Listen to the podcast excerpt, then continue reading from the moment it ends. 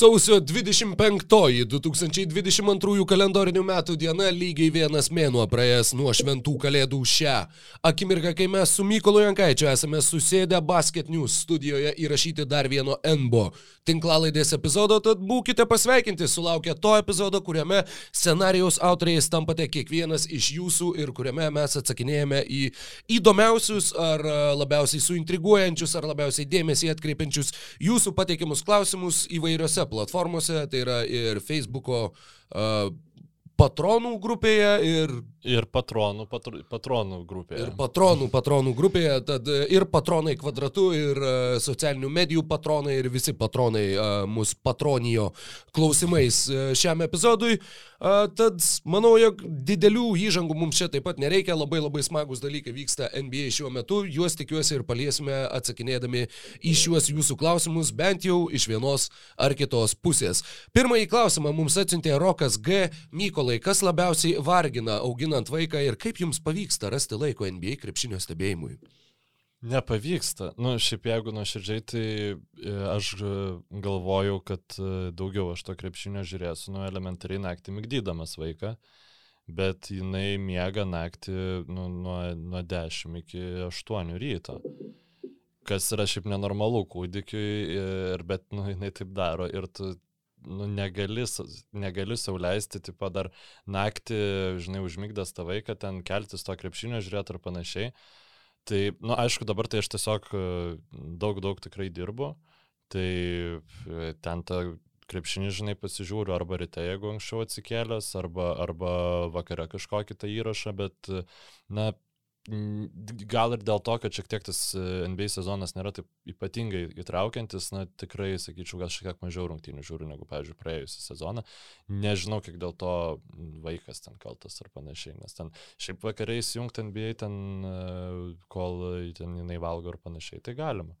O šiaip tai sekasi labai gerai, esu labai laimingas tėvas. Uh, labai, nu nežinau, tikrai vis, visos baimės, jos, nu, net negaliu sakyti, kad nepasitvirtino, bet e, tokios uh, atrodo paraštėse kažkur tyliai kamputį, nes viskas yra žymiai smagiau negu galvojau. Šiaip e, labai faina, malonus klausimas ir aš esu laimingas žmogus. Taip. Jėzau, kaip smagu girdėti ir kaip gera girdėti. Aš šitoje vietoje galėčiau baigti epizodą ir jaustis, kad e, mane jau šį vakarą kažkas palėtė ir jau buvo verta čia atvykti. Ačiū labai Mykolai už atsakymą.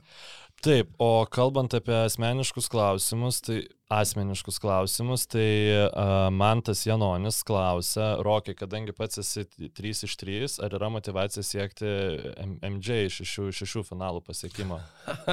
wow, geras. Tai įves gal į kontekstą klausytojus. Jo, kontekstas yra toks, jog tris kartus man teko laimėti riet, lietuviškose, lietuviškose repo varžytuvėse arba, arba freestyle MC battle nacionaliniuose renginiuose ir iš tų trijų renginių man pavyko laimėti visus tris. Ir Apie šeši iš šešių, tiesą pasakius, dar nebuvau pagalvojęs. O dabar? Ta, labai ačiū man tu Janoniui už mintį. Žinai, kol kas tai yra toks, šią akimirką aš tikrai jaučiuosi pasisotinęs šituo klausimu.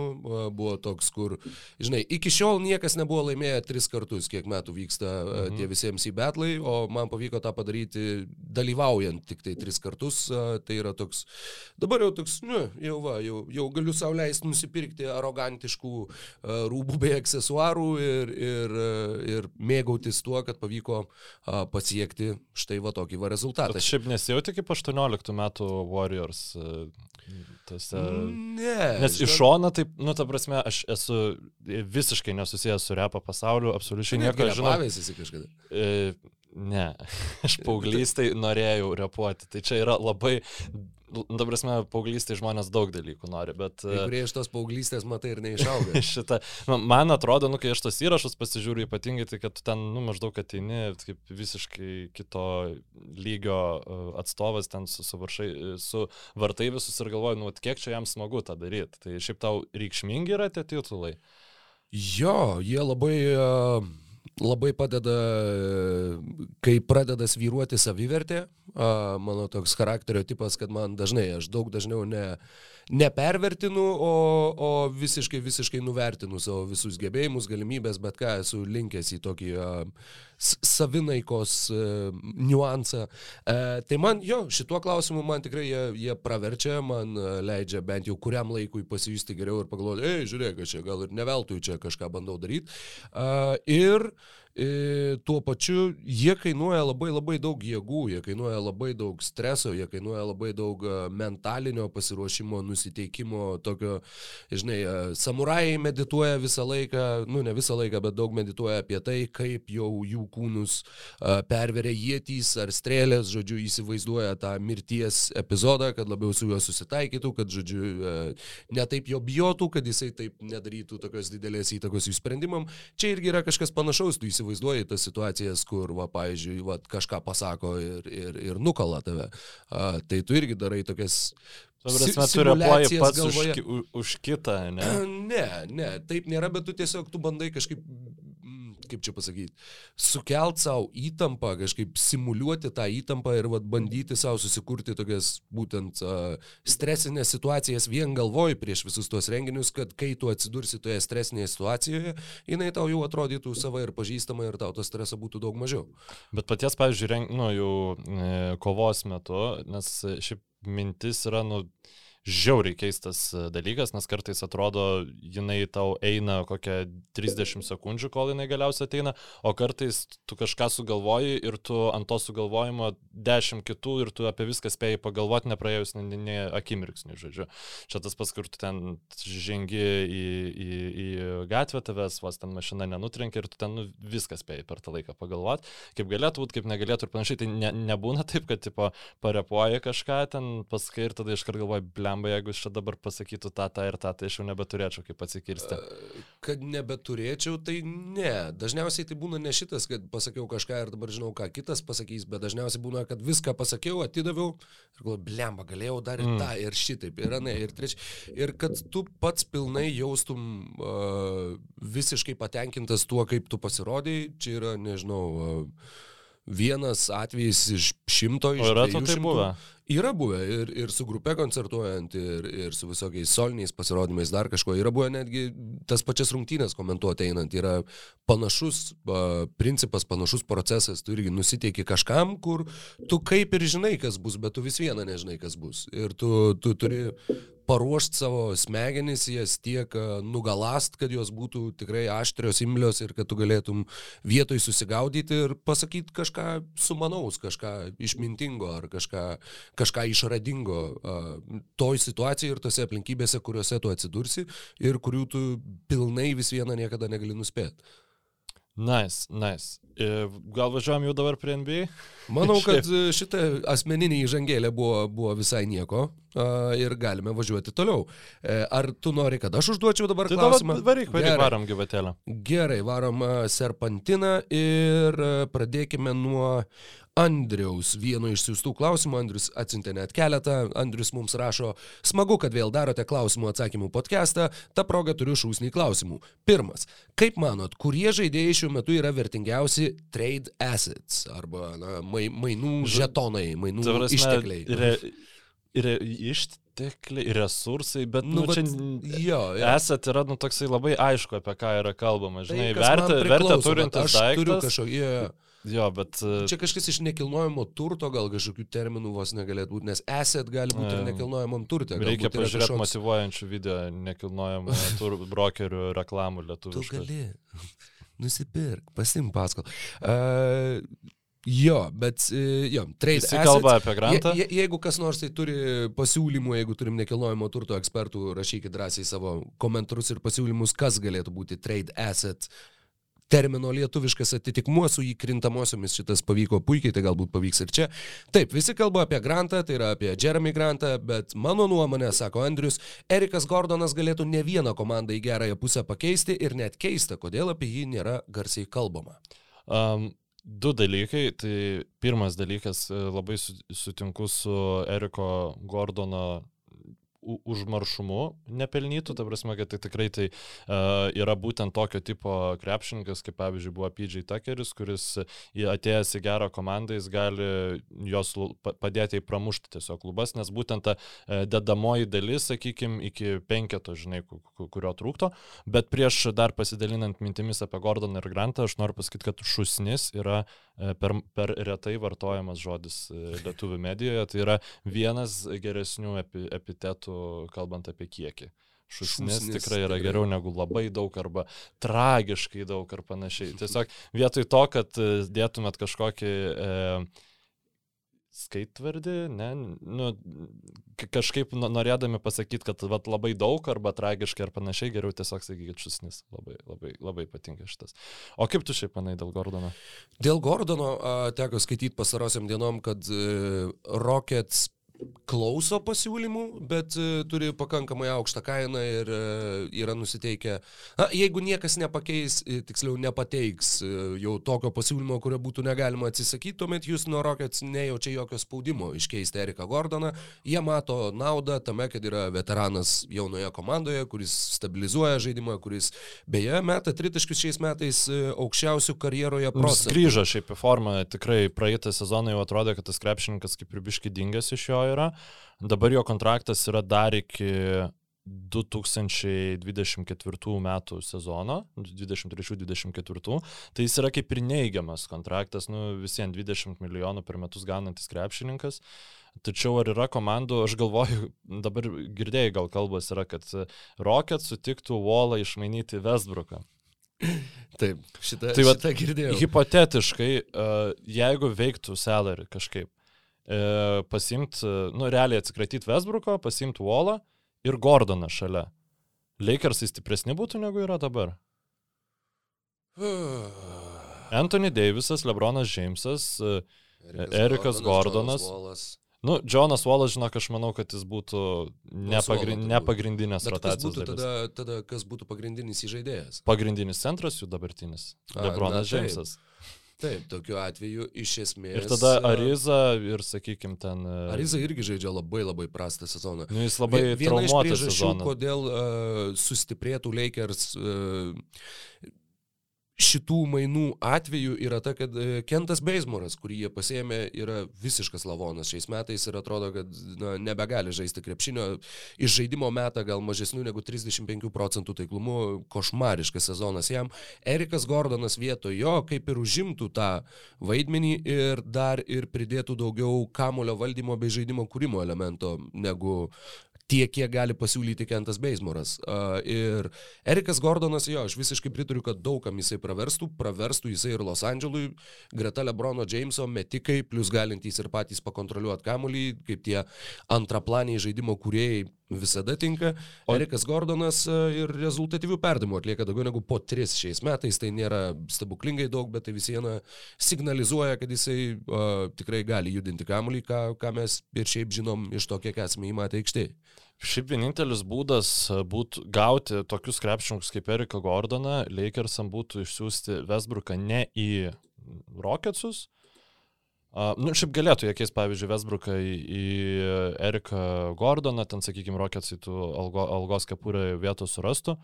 Bet ar yra komanda, kuri, pavyzdžiui, NBA lygoje už Russelo Vesbruko kontraktą kurį galėtų apsimti be jokių absoliučiai... E, žodžiu, nes kitas variantas būtų tiesiog išsiųsti uh, Russellą Westbrooką į kažkokią komandą, susigeneruoti trade exceptioną, jeigu tu atgal negauni tu, uh, uh, analogiško salary ir tada į tą trade exceptioną pasiimti va tokį krepšininką kaip Berikas Gordonas. Aha. Jeigu jie Ar e, išsiųstų Russellą Westbrooką? Iš viso, ar kažkas tai turi tiek daug ir... Yra komanda, kuri turi 20 milijonų below salary uh, floor. Aha, tai ir kaip tau atveju... būtų variantas, uh, kiek įmanoma pikų, plus Westbrookas į Oklahoma?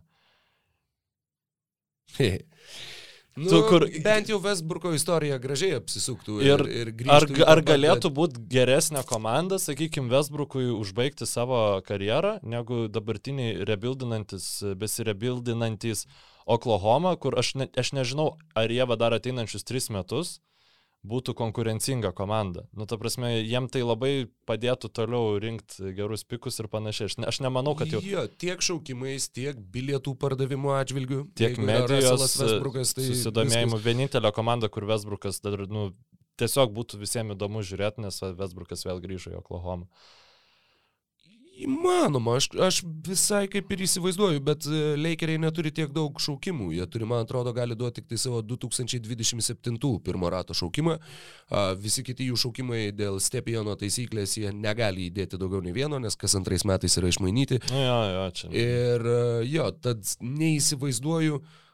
Na, Lakers, kad dar pridėtų kažkokios teigiamos vertės, neturint šaukimų, jie neturi Net kažkokių žaidėjų tiesiog žaidėjų, nebeturi jau vis vien. Tada jie neturės ką nusiųsti Rocketsam, kad tą patį Gordoną gautų. Tai Irgi teisybė. šiaip dar komandų, kurios Gordoną Mavericksai galėtų, jeigu jiems pavyktų salary susikrapštyti, jam labai tokio tipo krepšininko reikėtų šalia Lukos playoffuose.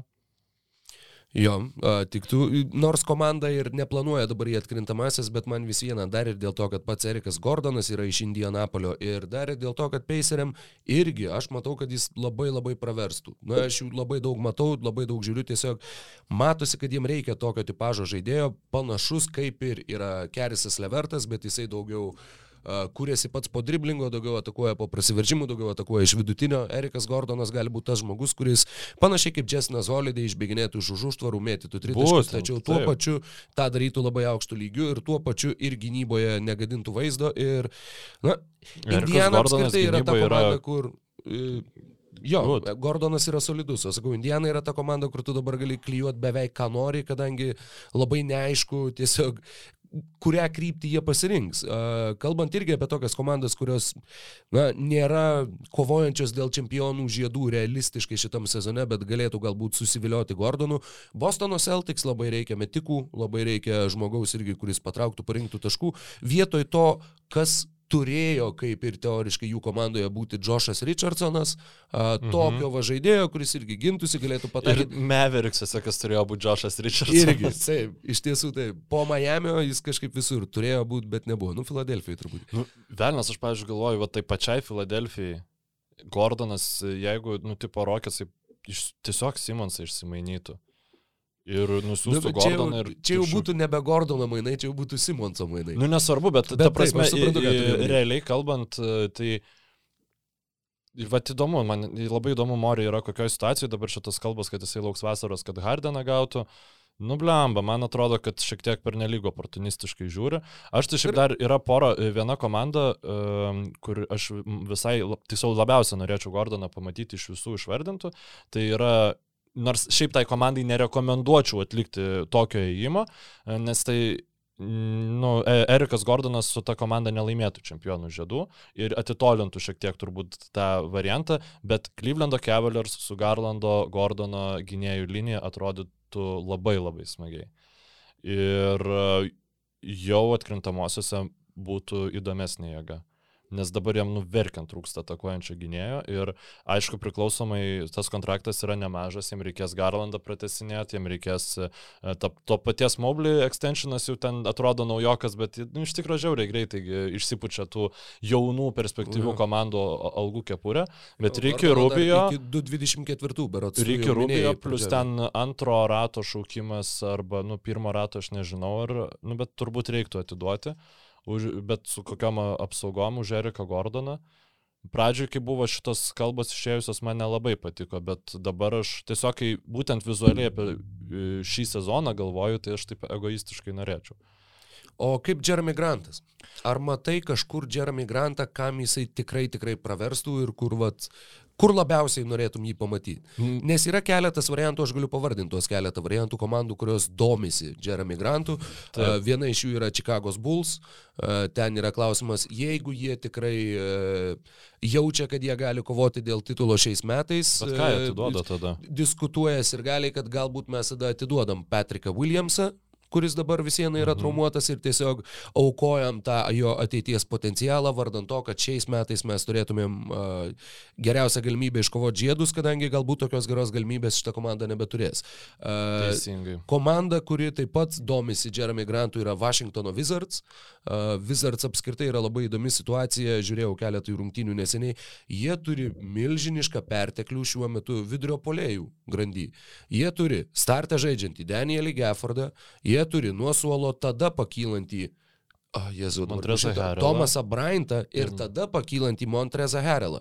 Jie žaidžia, jie pirmoji rungtynių pusė, 24 minutės, visi trys centrai žaidžia po 8 minutės. Ir šiaip Ir atrodo, kad tai yra tiesiog nustatyta ir taip tarsi ne, nelankstus va toks va tas a, grafikas, kad va visiems mes duodam žaidimo laiko. Ketvirtuose kelinukuose jau atsižvelgia Anseldas į tai, ko labiau reikia komandai aikšteliai. Bet iš esmės jūs turit tris vidurio polėjus, kurie visi realiai galėtų būti starto penketo vidurio polėjais, na, ne elitiniais, bet na, starto penketo kalibro centrai, kuriuos tau reikia kažkaip konsoliduoti, tau reikia kažkur tai iškišti, tau reikia, va būtent, tu esi toj situacijoje, kur tau reikia iš kelių gerų dalių padaryti vieną gerą ir, ir išsiųsti kelias. Uh, tad su Washingtono Wizards taip pat yra klausimas. Wizards, aišku, nebūtų labai ypatingai, uh, kaip čia pasakyti, seksualiausia uh, destinacija Jeremy Granto mainams.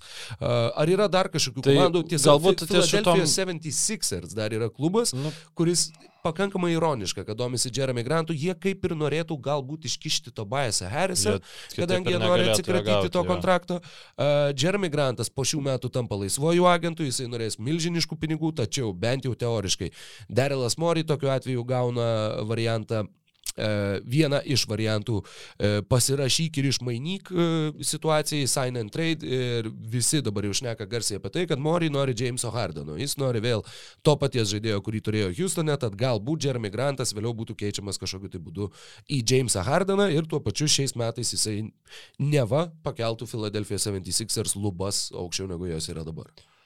Um, dabar grįžtant e, prie pirmos komandos, tai Čikagos bus automatiškai atkrenta vien dėl to, kad būtų labai nu, naivu iš, nu, nežinau kiek naivu, bet uh, Karnišovas turėtų žiauriai daug darbo e, pasimti krepšininką, kuris būtų ketvirta, ketvirta opcija polime. E, Ir jį įtikinti pratesti kontraktą, nes tu mainai tam, kad gautum tą kontraktą, klausau tavęs. Ir tuo pačiu pats Jeremy Grantas yra minėjęs, kad jis nenori Taip, varyti tai kažkur, ką ir norėjau ne, jisai sakyt. nori būti Ką ir- opcija. Ką ir norėjau sakyti, kuris, e, tai tu mainai krepšininką, kuris būtų pas tave ketvirta opcija, kuris išėjo iš, e, nu sakykime, labai geros situacijos, po labai gero sezono, iš komandos, kur žaidė su vienu geriausiu playmakeriu lygoj, e, vienu geriausiu aikštę išplečiančių gynėjų lygai ir buvo trečia opcija toj komandai. Ir jis iš- tos situacijos išėjo į Detroitą. Tai Čikago būtų smagu, e, jau jeigu stumi visus žetonus, tai stumk iki galo e, Karnišovai, nu, ta prasme, jau, jau ir taip atrodo iki galo jie sustumti, bet e, galbūt tą Patriką Williamsą išmainius, e, jeigu tikrai gautum tą šansą laimėti šiemet žiedus, tai tikrai reikia bandyti. E, Wizards būtų įdomi e, situacija dėl to, kad jei- Montrezas Herelas, mano nuomonė, e, pirmiems sezonams su Keidu Cunning- Cunninghamu būtų labai naudingas partneris jam Jo. žaidimui 2 prieš 2, būtent Jo. iš tos pusės, kad Aizėjas Stewartas jis tai nėra kaip ir blogas krepšininkas, bet Montrezas Herelas, būtent atsiminkim jo Los Andželė tos taip. sezonus, kaip gerai tie gynėjai atrodė su juo žaidžiant. Williamsas ir kiti. Taip, taip, taip. Geriausias šeštas žaidėjas. Tai mano toks, toksai visai mini noras būtų, žodžiu, kad Vašingtonas atliktų tuos mainus, aš tik nemanau, kad jie kažką ten nuveiktų labai daug, žinai, su, su Grantu. Na, jiem visieną reikia stiprinti uh, komandą. Tas jau atrodo akivaizdu. Jie pradėjo sezoną 9-2 ir mes visi lydėmės nuo to, kaip Anseldas sustatė jų gynybą. Dabar nuo tos akimirkos jų rezultatas yra 14-22. Uh, tad labai greitai vėl žnektelėjo veidų į realybę Washingtono Wizards. Ir pastarasis pralaimėjimas, uh, kasgi dabar juos sunešiojo taip žiauriai pastarąją naktį, uh, ne pastarąją, naktį prieš tai Washingtono Wizards, Bostono Celtics juos beveik 30 taškų nukalė, Celticsai, kurie irgi netrodo tikrai perdėm įspūdingai. Tad Wizards jaus spaudimą tikrai atlikti mainus ir Jeremy Grantas, ar netgi tas pats Erikas Gordonas, ar netgi Domantas Sabonis, apie ką irgi yra kalbama Vašingtono visame rate vis garsiau, jie tikrai pabandys gauti kažkurį iš tų žaidėjų, ar galbūt Beną Simonsą, ar galbūt Diaroną Foxą, na, vėlniai žino, bet kažką iš tų, kas yra minimi mainuose ir būtent dar pratesant atsakymą į uh, Andriaus klausimą, tai buvo Andrius, taip, taip. Tie dar kiti žaidėjai, kurie yra minimi, kurie yra aukščiausio profilio, sakykime, mainų šitoje rinkoje, yra Pacers krepšininkai su Saboniu ir Milesu Turneriu ir galbūt ir visais kitais, nes nėra nei vieno neliečiamo krepšininko Indianoje. Yra Sacramento, visas irgi taip pat Išskyrus turbūt tą Rysą Halibartoną, už kurį jie nori labai labai didelės kainos, bet jis Sakyčiau, teoriškai da, da, irgi da, nėra neliečiamas. Labai sunkiai būtų iš, išmai, išmainomas. Turbūt, bet Davianui Mitchellui 23 metai. Nėra taip, kad jis būtų, nežinau, 19 metų. Čia tiesiog yra talentas su... Su Halibartonu ir Mitchellu yra tas atvejis, nu, kuris būna labai dideliai daly komandų, kad kaip pas tave naujokas žaidžia geriau negu tikėtasi, tu įvertini labiau negu bet kuri kita komanda. Čia yra tiesiog... Aha tas Hollingeris apie tai kalbėjo irgi, kaip nu, žmogus dylinės su tuo, tik tikrai, kad nu, labai labai tų angliška frazė yra kill your darlings, tai nu, šit, šitą nedaro. Bet kas padarė, tai Hinkis su Michaelu Carteriu Williamsu, kai išmainė ir ten skalpavo visi, koks tu durnas, žinai, nors, nu, akivaizdu, kad tai buvo žiauriai geras įimas išmainyti krepšininką, kuris, nu, akivaizdžiai neturėjo ateities lygui. Tai jo, mainytinų labai daug žaidėjų yra, bet kažkaip aš tai jaučiu, kad nebus įdom, įdomus trade deadline. Kings yra uh, Foxas, Harrisonas, Barnsas, Buddy Hildas, uh, jie yra Šanas taip pat dabar Holmesas. svarstomi. Uh, Holmesą jie lyg ir norėtų pasilikti, bet na, tai tikrai irgi nemanau, kad bus uh, tas deal breakeris, kaip sako anglakalbiai. Uh, tad Jo, yra, yra tų kandidatų, siejami visi tie, visos tos išvardintos pavardės, e, kurias ką tik tai susakiau, visos tos komandos yra automatiškai siejamos tarpusavį, kad galbūt Filadelfija ir Sakramentas atliks mainus, galbūt tai bus e, Detroitas ir Indiana, arba Vašingtonas ir kažkas kitas, tad žodžiu. Populiariausi gandai yra tokie, labai labai įdomu, vasario 10 mainų lango užsidarimas, iki tol tikiuosi, kad dar tikrai pašnekėsim ir apie galimus mainus, ir apie galbūt ir įvyksiančius mainus. Ir, ir uh, tikiuosi, kad tai irgi pridės įdomumo šitam sezonui. Taip, kitas klausimas, porą net žmonių uždavė, headlininis klausimas, galbūt netgi šito podcast'o reiks pavadinimą dėt. Tai Kipras Braukyla klausė, ar būdami Adamu Silveriu, kiek mačų baną keltumėt Greisonui Alenui. Tada Evaldas Balakauskas ilgesnį šiek tiek klausimą turi, bet apie tą patį sveiki, kodėl lyga taip nuolaidžiai žiūri į tokius psichiškai nestabilius žaidėjus kaip Greisonas Alenas. Apibūdinimas, kad tai labai kietą žaidimą propaguojantis žaidėjas čia jau netinka, ribos aiškiai yra peržengtos, ar testo nediskvalifikavimas iš lygos visiems laikams iš dalies pateisinamas, labai spalvinga asmenybė prisidėjusi prie lygos populiarinimo. E, čia žinoma, e, Evaldas referuoja į Artesto smūgį iš Alkūnės į Jamesą Hardeną, kur kaip prisimenė, čia atrodo, what the fuck, ar tai tikrai įvyko. Ir Aleno atveju lyga daug e, labai neprarastų, jeigu e, ir tai būtų puikus prevencinis pavyzdys kitiems. Ir dar vienas klausimas buvo, kurio dabar nerandu, bet irgi iš esmės. Davidas kaip... 1983, sveiki, kaip vertinate tokias pražangas kaip prieš Karuso, ar ne per daug leidžiamos tokios baudos, ar nereiktų rimtesnių sankcijų už tokias pražangas. Uh, tad jeigu kas nors nematėte epizodo, uh, jis, nežinau, mažiau negu minutės trukmės, rekomenduoju pažiūrėti, jeigu nežinot apie ką eina kalba. Bet Graysonas Alanas e, ore nuskynė Aleksą Karuso ir nuskynė šiam atakuojant krepšį taip, jog kritęs Karuso susilaužė riešą, iškrito 6-8 savaitėm. Tad Bulls su Lonzo Bolo operacija, su dar va ką tik tai grįžusiu Karuso, jis sužaidė dviejas ar maks trejas rungtynės iki štai šitos traumos. Tad jiems žinoma komplikuojasi situacija. Ejo Dosunmu yra, yra šviesulys. Yra išsigelbėjimas visiškas. Jo, bet... Bet jo, o apie kalbant apie Grayson Allaną, taip, tai yra žaidėjas, kuris turėjo tą reputaciją, turėjo viso savo, visos koledžo karjeros metu, žaisdamas Duke, uh, už tai buvo vienas nekenčiamiausių NCAA krepšininkų uh, per pastarąjį dešimtmetį. Ir uh, tokių labai ryškių epizodų per savo NBA karjerą jisai dar neturėjo kaip va šitas. Šitas vis tiek užgožė viską. Čia, čia tikrai, nu, kur, nu, tu juokauji. Uh, ir mane asmeniškai taip pat nustebino, kad tik tai vienom rungtynėm buvo suspenduotas Graysonas Alanas, kadangi čia ir ta situacija buvo tokia, kur Aleksas Karuso yra, nu, visiškas ir galių numylėtinis. Nu, nežinau, 90 procentų NBA ir galių gerbė Aleksą Karuso. Kiti 10 procentų yra Alano giminaičiai.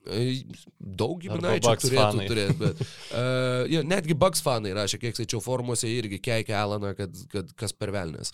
Uh, bet sakau, tai buvo labai gera situacija šituo atžvilgiu, kad Karuso yra ir galių numylėtinis, Alanas nu, tikrai nėra super pirmos svarbos krepšininkas Milvokiui. Čia galėjo Adamas Silveris kaip tik uh, sužaisti griežtesnę ranką ir skirti didesnę tą disciplinarinę nuobaudą. Ir sakau, mane nuoširdžiai nustebino, kad tai ta buvo tik tai vienas susitikimas, kadangi NBA šiaip jau mėgsta padaryti tą, kur, o mes iš jūsų, iš tavęs mes padarysime pavyzdį, uh, kaip teisėjas filme, žinai. Uh, bet kažkodėl šitą situaciją laikais aš galvoju. Kad aš Silverio, žinau, kažkaip, nu, jis šiaip prie žaidėjus jis labai, nu, neina, ta prasme, kad ir, nu, daug visokių ten situacijų, aš nenoriu dabar tas... Kinija. Jo, nu, kad ir tas, ta pačia Kinija, pavyzdžiui, nu, kaip absoliučiai jisai ten pradingęs buvo, nu, jokios pozicijos neišreiškia ir netgi priešingai, nu, papeikė ten žaidėjus kritikuojančius. Nu, žodžiu, grįžtant prie Aleno, tai aš irgi esu susibėsinęs, iš tikrųjų mane žiauriai diorgina tokios baudos ir aš nežinau, ar tu matei.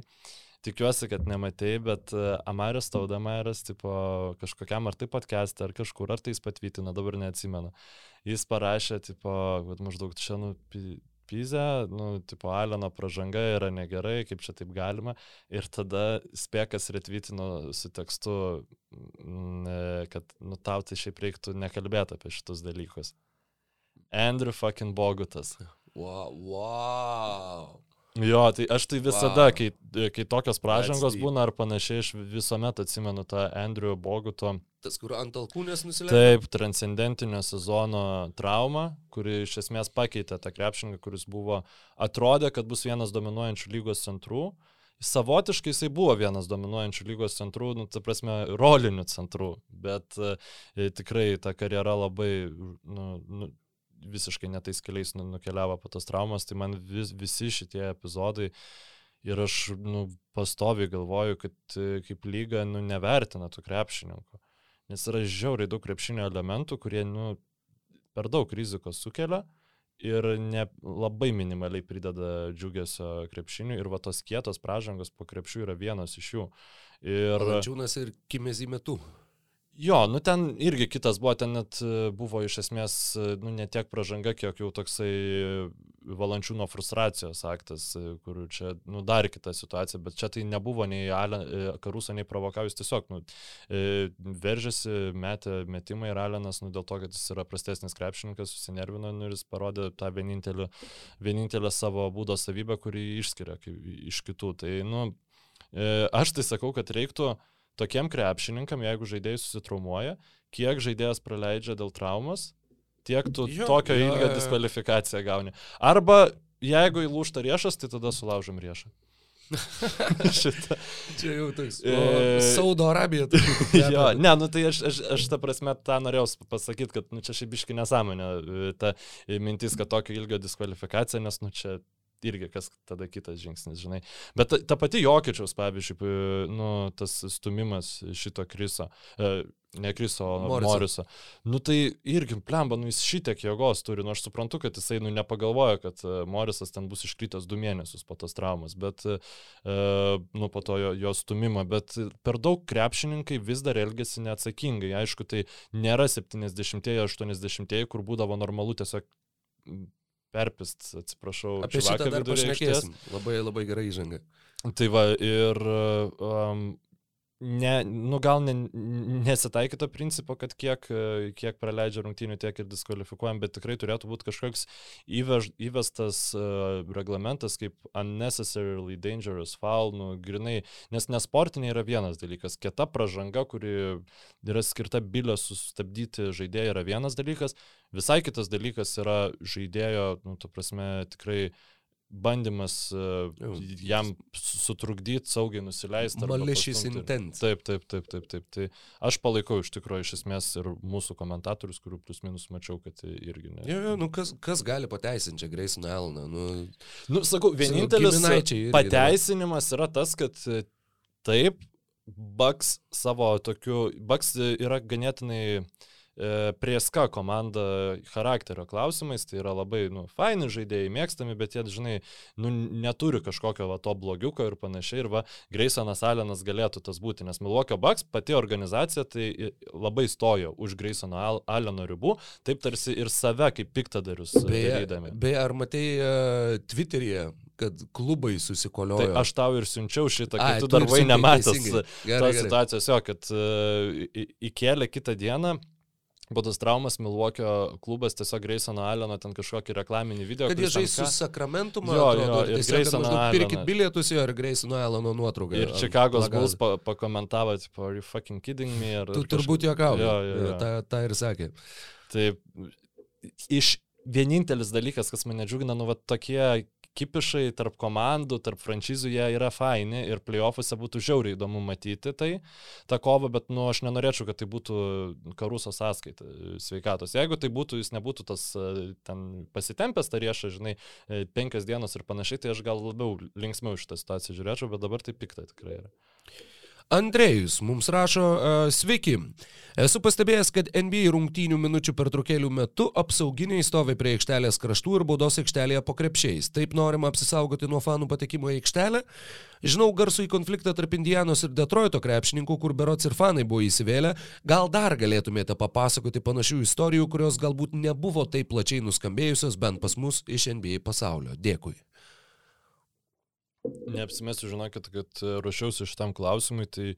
Nu, tai taip, aš, aš galiu perimti. Tada. Perim, perim, nes numelas etapalas e, yra. Jo, šitą mes žinom visi. Vienas, vienas yra incidentas, kuris uh, nu, labiausiai, kaip čia pasakyti, labiausiai pribloškė, labiausiai šokiravo. Yra jo vaizdo įrašas, jį, jį galima rasti, kur Tas buvo, kur žiūrėdamas tikrai grėbiausi už galvos, kur panašiai kaip ta Boguto trauma, kai jisai krenta ant alkūnės, kur arba kaip Henrikas Larsonas buvo toks futbolininkas ir kuriam koja lūšta atvirų lūžių, kažkodėl visi turėjom tą video kompiuteriuose prieš gerus 20 metų. Uh, buvo, buvo toks epizodas, uh, kuris nutiko 1977 metais. Uh, do not ever estimate Tai čia to, Tomjanovičius kaip? Taip, uh, The Heart of the Champion, vėliau pasakė Rudy Tomjanovičius, bet pats Rudy Tomjanovičius 1977 žaidė uh, Los Angeles Lakers prieš Houstono Rockets ir uh, įvyko kažkoks tai susistumdymas, tenai kažkaip tai uh, vienas centras žaidęs prieš tai buvo perkirtęs Karim Abdul Jabbarą, tarp jų buvo istorijos, uh, žodžiu, irgi besiplėskinti neapykantą ir vėliau žaidė būtent Houstonas su Los Andželu ir uh, tenai taip pat susistumdė keli žaidėjai. Rudy Tomjanovičius atbėgo skirti uh, krepšininkų, atbėgo skirti Kermito Washingtono nuo Kevino Kanerto ir Kermitas Washingtonas, žmogus, kurio vardas yra kaip uh, varliuko iš mapetų, jungė tokį, bet ta prasme tokį, tokį trumpą smūgį Tomjanovičiui, kur e, Karimas Abdul Džabaras vėliau sakė, palygino tą garsą, jisai stovėjo šalia, kad vat, kai jam pataikė, sako, jausmas buvo nu, toks, lyg tu paimtum melioną ir ištiekštum į asfaltą. Va, va, toks buvo garsas. Ir Rudy Tomjanovičius ten sutrupino kaukolę, skrustikaulius, viską, kad jam ten smegenų skystis tekėjo parausi. E, ne visai, jam stuburo. A, atsiprašau, skystis, jo, jis, jis jautė jo skonį burnoj. Nors met tai buvo smūgis, kuris per plauką, per, nu, per neįtikėtiną plauką. Ten medikai vėliau visi irgi sakė, kad nu, mes su daug kaip čia pasakyti, daug lengvesnėse situacijose žmonės matėm, kaip mirė po panašių traumų, bet Vatrudį Tomjanovičius kažkokiu stebuklingu būdu išgyveno. Jisai dar galiausiai ir atsistojo po to, nors kai jam kirto jis išjungė ir iškart kraujo bala pradėjo aplinkui žaidėją ant parketo, a, žodžiu, kauptis. E, tad tas smūgis Kermito Vašingtono uh, Rudy Tomjanovičiui. Ir Tomjanovičius buvo keturis kartus visų žvaigždžių krepšininkas, iki va to epizodo vėliau sužaidė dar keturis sezonus, uh, visų žvaigždžių rungtynėse be buvo tik tai kartą. Aišku, ir amžius jau a, buvo 30 ir pamažu virš, a, bet tuo pačiu tas smūgis tikrai a, yra daug kas, kas, kas tai interpretuoja kaip, nu, vieną iš tų irgi, kas, ir, kas jeigu, scenarijų, kad kaip Tomjanovičiaus karjera būtų susi, susiklošius, jeigu ne va tas incidentas, kurį jisai bėgo skirti dviejų žaidėjų ir tiesiog Kermitas Vašingtonas iš streso jungia pirmam, ką pamatė. Nu, tai čia faktas, žinai, kad e, nesp... nu, nebuvo tikslas jo nužudyti Tomjanovičių, čia akivaizdu, bet čia tokia kaip ir retrospektyvi iliustracija tai, kad e, lyga nu, turėtų visiems, kad ir kaip čia nepatiktų gal tiem dėdėm, kurie žiūri krepšinį ir nori to tikro kažkokio tai butaforinio agresyvaus krepšinio, bet lyga turi imtis priemonių, kad tiesiog maksimaliai užkirsti tą uh, testosterono vedina norą, žinai, kažkaip fiziškai pakengti tam krepšininkui. Nes, nu, tai, yra, tai buvo padaryta, nu, žmonės dabar jau ne, nebesitranko atvirais kumščiais, tai galbūt pavyktų ke, kitas žingsnis padaryti, kad nu, nelystų sąmoningai bandydami, žinai, pakengti mm. sveikatai. Nes jeigu tu gauni vien, vienų rungtynių baną, tai tu ir darysi taip toliau. Tu, nes tu žinai, kad tu taip išvesi krepšininkus iš pusiausvyros, tave, nu, sakykime, įlysi jiems į galvą ir panašiai. Nu, Nu, jo, tai jo. darys, jeigu tai yra vienos rungtynės reguliariam sezone. Nes dabar, jeigu Bulls žais prieš Bucks serijui, jau bus apie Graysoną Alleną galvojama. Galbūt prieš jį kažkas grubiau prasižengs ir čia jau mhm. bus Graysono Alleno laimėjimas. Nes ta prasme, jeigu tu žaidži prieš Bucks ir tu galvoji apie Graysoną Alleną, tai jo, nu, tipo, čia, čia yra gerai. Bucks, jo, Bucksų pliusas. Taip, kitas klausimas, Rokai, gal paspekuliuojam. E, padiskutuokit, ar geriausi NBA europiečiai, plus lygęs pasaulis, nu tai tiesiog NBA pasaulio mhm. rinktinė, e, padoriai pasipriešintų e, geriausiai NBA amerikiečių e, komandai septynių rungtynių serijai. Aš manau, kad jie laimėtų tą septynių rungtynių. Tai gal seriją. pasidėliojam tas bent jau penketus? Nu, galim kažką tai pabandyti padėlioti. Nes mano penketą tai be abejonės būtų Janis, Jokičius ir Dončičius. Ir Embidas. Nu, vad klausimas. Vienu metu aikštai Jokičių, Embidą, Janį ir e, Dončičių, nu, Dončičius, okei, okay, jisai bet kuriuo atveju, bet e, aš žinok, aš, aš e, labai ilgai galvojau apie šitą ir kelis kartus persigalvau, ką aš tikrai imčiau savo starto penketą, tai būtų Janis Luka Jokičius, čia mhm. šimtų mm. procentų šitie trys krepšininkai. Ir tada būtų sveikas, kur tenis, Džemalas Mariai, Okay. Nes aš manau, kad, nu, tiesiog e, vėl ryšys su Jokičium, žinai, e, labai labai geras. Ir taip, tada, aišku, priklausomai, nu, Žoelis Embidas bet kuriuo atveju jisai komandai būtų. Bet, e, lemba, ar, ar starto penkite jį dėt, jį, žinai, kai, kai Nu, kitas variantas būtų šiai Gilčius Aleksandr, tai tada jau iš karto gynyba labai kenčia. Beno Simonso, tu, nu, tas pats, kas Žoelė, tai Žoelė Embida tada geriau imti. Žiūrint uh, Toronto Raptors dabartinius line-upus, tai Paskalis Jakamas, jisai kartais žaidžia centru, kartais žaidžia lengvuoju kraštu. Tai irgi toksai, nu, kaip ir šiek tiek mobilesnis krepšininkas negu Žoelis Embidas. Ir, ir kas? Ir dar mes turime Andrew Vigginsą, kuris uh, Golden State tą penkto žaidėjo starto penketą rolę iš, išgimdo visai puikiai ir gynyboje, sakykime, nu, savo fiziškumą išnaudoja vis geriau. Tai čia reiktų, nu, atrodo labai jokinga, ką tu imtum starto penketą, Žuelį Embidą ar Andrew Wigginsą, jau e, sumą sumarom, bet kartais tenka priimti, žinai, tokius pasirinkimus. O kas būtų pas amerikiečius, Rokai? Aš dar žinau, kaip tik dabar va, dar ieškau, ką čia dar būtų. Nu, davai, dar apie euro, europiečius. Ne tik europiečius. Atsiprašau, klausimą supranti, suformavos tais europiečiais. Uh, jo, tuo pačiu yra, uh, jeigu mes dar šnekam apie vidurio polėjus, Karl Anthony Townsas yra Rudy Republika Goberas. Dominikana, jo, Rudy Goberas yra ir Deandre Eitonas, tai, Bahamas Lama. Uh, tad daug yra. Kairi Irvingas yra pusiau australas, bet jis žaidė su Amerikos rinktinė. Jo, jo, čia jau, čia jau, na, jisai pats galėtų pasirinkti, kur žaisti ir manau, kad pasirinktų. Domantas Sabonis, Jonas Valančiūnas, Šiai Gildžis Aleksandris. Turbūt... E, Šiaip gynėjų grandis atrodo tokia silpnesnė. Nu, bet, bet realiai Luka e, Džamalas Murray ir Šiai Gildžis Aleksandr, tai būtų, na prasme, uh, Murray uh, prieš traumą buvo All NBA kalibro krepšininkas, SJ, nu, jisai žaidžia irgi kaip All NBA kalibro krepšininkas, tik tai žaidžia Oklahoma. e, All G, All G. All G, All G League, e, komandai. Tai toks e, truputį sunku dar vertinti. Taip, Klintas Kapela. Benas Simons aš paimčiau tą komandą, visai, nu, visien e, turint omeny, kad reiktų gintis prieš visokius Dončičius, prieš Jamesus Durantus ir taip toliau, gali prireikti tokio krepšinio. Matysas Taibulas yra Australas, jeigu reikia gynybos. Taip, taip, bet Matysas Taibulas jis labiau yra toksai, nu jis prieš tuos dar, žinai, didžiausius, sunkiausius, stipriausius krepšininkus, jisai da, da, da, dar nėra ta, tas bičias gintis, jisai labiau labai gerai prieš gynėjus gynasi. Mhm. Bet Audžiai Anunobi, kuris yra Britas. Britas. Va, jisai irgi toksai rolinis krepšininkas, kaip penktas, gal netgi klausimas, ar gal, gal ir geriau būtų už Andrew Vigginsą, nes gynybai tai jis tikrai geresnis, tritaškius irgi šiaip geriau pataiko. Nu, Tai e, komanda stipri labai. Kaip užkrito Dievo pardė. Dilonas Bruksas, jeigu būtų sveikas, irgi žmogus, kuris gali gerai gintis ir gali pataikyti. Solidžią, tikrai solidžią galima tą sudėtį sudėlioti. Ir čia beje yra vienas iš formatų, kurio aš manau, kad aš vieną kartą aš neatsisakyčiau pažiūrėti. Jeigu kaip yra naujokų antramečių šitas žaidžia, tu- jo, pasaulis prieš, prieš ją. Maks įdomu būtų, Jo. nes būtų, nu aš manau, kad būtų žymiai didesnė ambicija nugalėti. Jo, jo, jo, ir tie, ir tie tikrai būtų jau, tu ateini atstovaut ne savo konferencijos, o savo žemynų ar savo na, Nu, valstybės. matai, tas gal truputį ident... vieningumą truputį numuštų, kad žaistų ir kanadiečiai, ir europiečiai, ir, Nu, ir yra afrikiečiai. Ir vienodai. visi vienodai norėtų Nu, nu, jo, jo, visiem. amerikiečius. Jo, visiem visiems, visiems noras. vienodai stovėtų nuo šitos minties.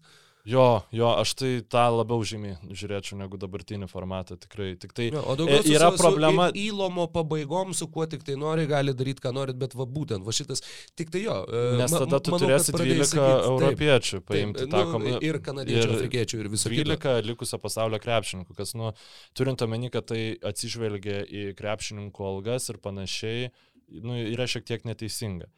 Tai, bet aišku, tai nereiškia, kad ne, negalima pakeisti šito dalyko, žinai, nu, tai tiesiog būtų, būtų labai labai smagu. Mhm, aš dar tik tai greitai noriu peržiūrėti. Kairį nuskaičiuojam kaip Ne, amerikiečiai. kairį tikrai kaip amerikietė. Aha. E, vienas, du, Jėzau, trys, keturi, penki, šeši, septyni, aštuoni buvo a, užsieniečiai pastarosiuose visų žvaigždžių rungtynėse.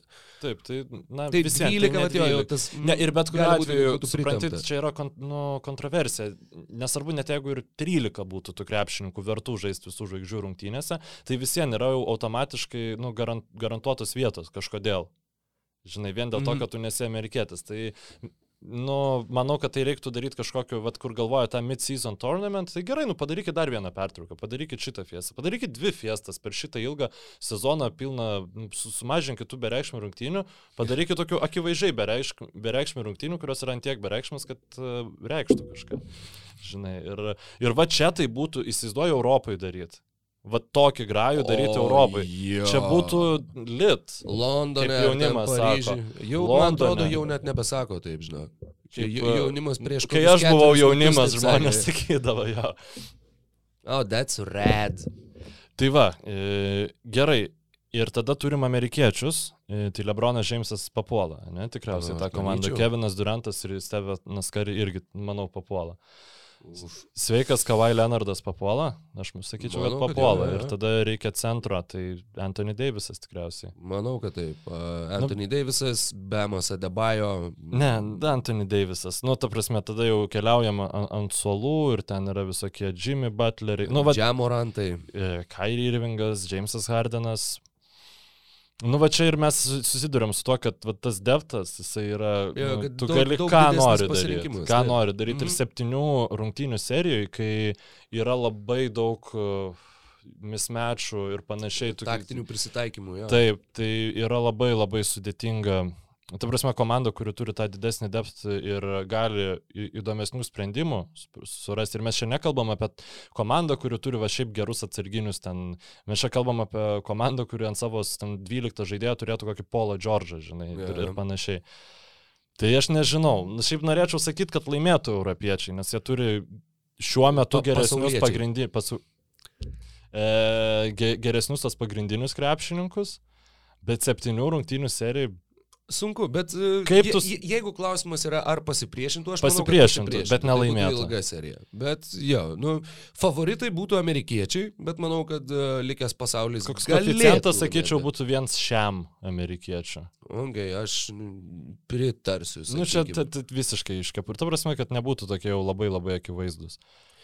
Andrius mūsų klausė dar vieno klausimo. Kaip manot, kurioms komandoms labiausiai apsimoka aukoti sezoną? Ar Nuggets yra viena iš jų, žinant, kad Marė greičiausiai šį, sezoną nebus toks geras, o Porteris su PJ Daužier, jis jau beje iškeistas į Bostoną, Andriu, jau visą sezoną nežais. Gi su tokia sudėtimi vargu ar toliau nueisime į vakarų pusfinalis. Galbūt ir 76ers apsimoka aukoti sezoną.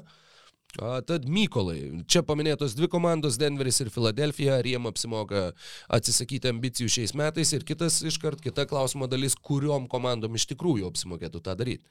Nu, blemba, jeigu tu atsisakai ambicijų, kai tu turi krepšininkus žaidžiančius MV- MVP formą, tai ap- apie, apie ką tada yra nu, iš viso krepšinis? E, Šitą, ar jiems reikėtų dabar bandyti, žinai, atiduoti, aukoti savo ateities šaukimus, kad pasiimtų kažkokį tai vidutinioką, žinai, nu, iš serijos Erika Gordoną. Tai gal ir ne, gal ir nereikėtų. Bet kad jiems, nu, tipo, specialiai stumdžia tonus ir e, tam, kad e, nepapultų į atkrintamąsią, sodinti tą patį Jokičių. Taip, žinoma, galbūt jeigu klausimas būtų formuojamas, ar verta Jokičių ir Embidui žaisti šitiek minučių, kiek jie žaidžia. Tai va aš nežinau.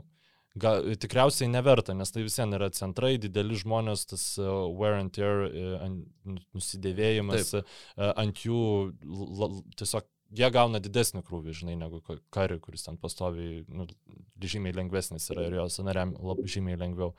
Labai sudėtingas klausimas, į- vat iš šitos pusės, bet šiaip tai ne, ne, ne nereiktų atrodo, tankinti ne. jiem pradėti. Ir vieni, ir kiti šiuo metu yra šeštoj vietoj savo atitinkamose konferencijose. Jie yra virš įkrintamųjų ribos ir jie tiek vieni, tiek kiti žaidžia taip, jog jie gali tam pirmam šešetukė ir likti. Galbūt sudėtinga, bet kol kas bent jau visi, visi ženklai rodo būtent tą. Mes jau sužaidėm, komandos jau sužaidė daugiau negu pusę sezono. Kalbant apie komandas, kuriuom apsimokėtų, tiesiog vat, nuspręst, pasakyti fudget ir rink pralaimėjimus šiais Pacers. metais. Aš matau tris, taip, Indianos Pacers yra vie, vie, vienareikšmiškai uh, turėtų ten būti. Jie šiuo metu turi penktą blogiausią rezultatą visoje lygoje. Tai tu turi penktą geriausią šansą turėti pirmą šaukimą. Ir apskritai tavo šansas yra kiek? Nuo aštunto iki pirmo. Realiai tavo šaukimai, kai paskutinis top 10 šaukimas, e, šnekėjom prieš keletą laidų, jūsų buvo 90 kažkada, man atrodo. A, tad jiems tikrai būtų į naudą dar dvi komandos, kurios e, viena yra, kaip čia pasakius, priklausomai nuo žaidėjų būklės. Jeigu Polas Džordžas ir Kawhi Leonardas negrįžta šitam sezone Los Angeles Clippers, mano akimis, apsimokėtų irgi visiškai neapsimokėtų. Aš noriu įsiterpti ties. Clippers. Gerai, žinok, žinoma. Nes aš galvau, ant kiek aфиgenas treneris yra Taironas Lu. Su kokia jūs komanda demonstruoja rezultatus, ta prasme, aš, aš šiaip esu priblokštas. Turint omeny, kokia šiaip nuomonė, koks naratyvas buvo apie jį, kai tas, nu, mūsų Europos krepšinio fanų numylėtinis Davidas Blatas buvo atleistas ir vietojo kažkoks Taironas Lūnų, kur tikrai iš, O, tas išraiškos... bičias, kur Iversonas perėjo. Taip, taip, dievė, tie memai, nu, metus laiko, žinai, kur ten, nu, čia plato pasiekimai ir čia lū pasiekimai ir, nu, taip pat, tas, žinai, perlipimas. Ir jisai labai, nu, taip, aišku, kritikos visiems treneriam galima surasti, ypač jau kai serija įvykus, bet su Clippersais žiauriai įdomų smallbolą į- įgyvendino, nu, geriausia nuo ro, uh, Rockets su, su Harden, na, nu, geriausia gal netgi sakyčiau nuo Warriors laikų. Žodžiu, ir taip ten buvo traumas ir taip toliau. O dabar su visiškai niekinga sudėtim, jis visiems pastoviai e, ir atsiranda visokių Bostonų ir taip toliau. Ten, ta komanda kažkodėl nėra paskutiniai vietoj, bet tikrai galėtų būti. Ir jie net nežaidžia čia kaip paskutinės vietos komanda dabar. Tai a, aš tiesiog norėjau duoti kreditą Taironui Lū, nes labai mažai gaunam pašnekėti apie Clippersus šį sezoną nupelnytai, nes jie nėra įdomus, bet tikrai įdomu, kaip jie taip stabiliai žaidžia. Sta, sta, stabiliai vidutiniškai. Ir trečia paskutinė komanda, kuri mano manimu irgi tikrai turėtų a, nuleisti savo lūkesčių kartelę ir tiesiog pabandyti gauti aukštesnį šaukimą, yra Portlando Trail Blazers, a, kurie Gali, jo, gali išeičio metu jie dešimtoj vietoje, kabinasi į įkrintamasias, bet tai irgi yra ta situacija, kur, nu, Trade nu it all. E, tu gali sprogdinti, žinai, kas yra. Visiškai. Lillardui operacija, Lillardo nebus ilgai. Tai gerai, tai, nu, tu jeigu nori, tu gali iškeisti CJ McCollumą, gauti kažkokių jaunesnių žaidėjų. Visada yra tokia opcija. Bet yra ir opcija tokia, kad, nu gerai, tai tu žaidži šitaip, tu duodi Lillardui išsilaižyti žaizdas iki kito sezono pradžios, jo visiškai neleidai į aikštę. CJ tu duodi žaisti mažiau minučių, negu kad jisai žaistų, jeigu jūs kovotumėte ten dėl ketvirtos, penktos vietos vakaruos. Duodi daug žaisti visiems Anthony Simonsam, Nasiram Litlam ir kitiem tavo jauniem krepšininkam. Ir dar kažkur, jeigu paraštėse dar pasipildai kažkokių papildomų jaunų talentų, e, parduodamas savo visus Tony Snellus ir Larry Nansus ir kitus žaidėjus, kurie yra būtent e, aukštų tikslų komandom taip, taip, tinkami taip, taip. krepšininkai. Ir tiesiog pasimti irgi top 10, galbūt top 5 šaukimą, kas Portlandui būtų labai labai didelis pliusas. Tad e, mano manimu, jie tikrai, e, tikrai, tikrai turėtų pasvarstyti apie šitą galimybę. Jo, šiaip aš tai sakyčiau net daugiau komandų. Kingsai, kokie tie patys Raptors, aš tai pavyzdžiui nesuprantu, kodėl Nikas Narsas žaidžia septynių žaidėjų rotaciją, ten po 40 minučių konfliktas Jakamas ir taip toliau žaidžia, nu kam. Tai jeigu, jeigu dar sėkiam paėtų loterijoje, dar vienas Scotty Barnesą pasimtų. Nu, nu, tipo, žinai, daugiau šansų negu gauti kažkam iš free agentų. Tai Uždarant šitą klausimą. Beje, dar tik tai įdomi detalė, paskutinį savo top 5 šaukimą Portlandas turėjo 2007. Gregaudan. Vietoj Kevino Durantas ir džentelmenai. Kalbant apie uh, Portlandą, labai trumpas konkretus klausimas.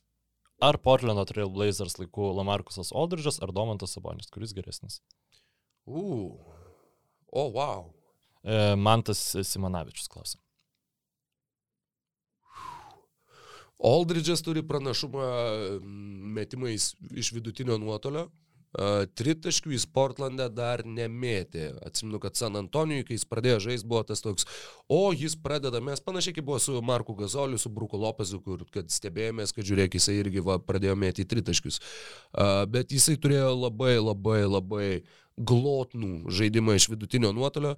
Man sakau, Aldridge'o judesys, tas, kuris, nu, va, grinai matau Aldridge'ą prieš akis ir tuo pačiu, kai įsivaizduoju Aldridge'ą, iškart matau tą judesį, yra aš žaidžiu nugarą į krepšį ir apsisuku per dešinį petį ir atšokdamas kairę ranką metu atsiloždamas. Būtent tas atsisukimas, nes šiaip daug kas sukasi per kairę, kai tu esi dešinė rankis metikas, jo va tas toks išvirkščias mhm. apsisukimas būdavo mirtinas. Iškart pasiemė ir, nu, išmeta tą kamalį, kartais net nežaisdamas nugarą, nu, toks jo, besiruoždamas.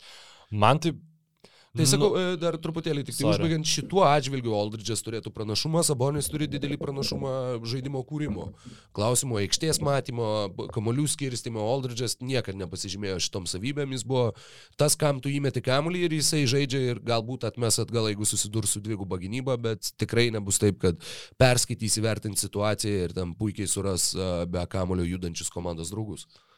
Bet e, aš nežinau, gal čia nostalgija, bet man tai visiems Lamarkusas Aldridžas, Blazers laikų ir dar tie porą sezonų, kaip jis Parsuose žaidė paskui atėjęs, man tai visiems kito lygio krepšininkas, negu dabar yra Domantas Sabonis. Nu, kai jis žaidė tada Blazersuose, nebuvo ten niekam klausimo, kad čia yra Alstaras. E, su Sabonis, Sabonis taip, jis yra Alstaras, bet, e, nu, vos papuolantis, taip pavadinkim.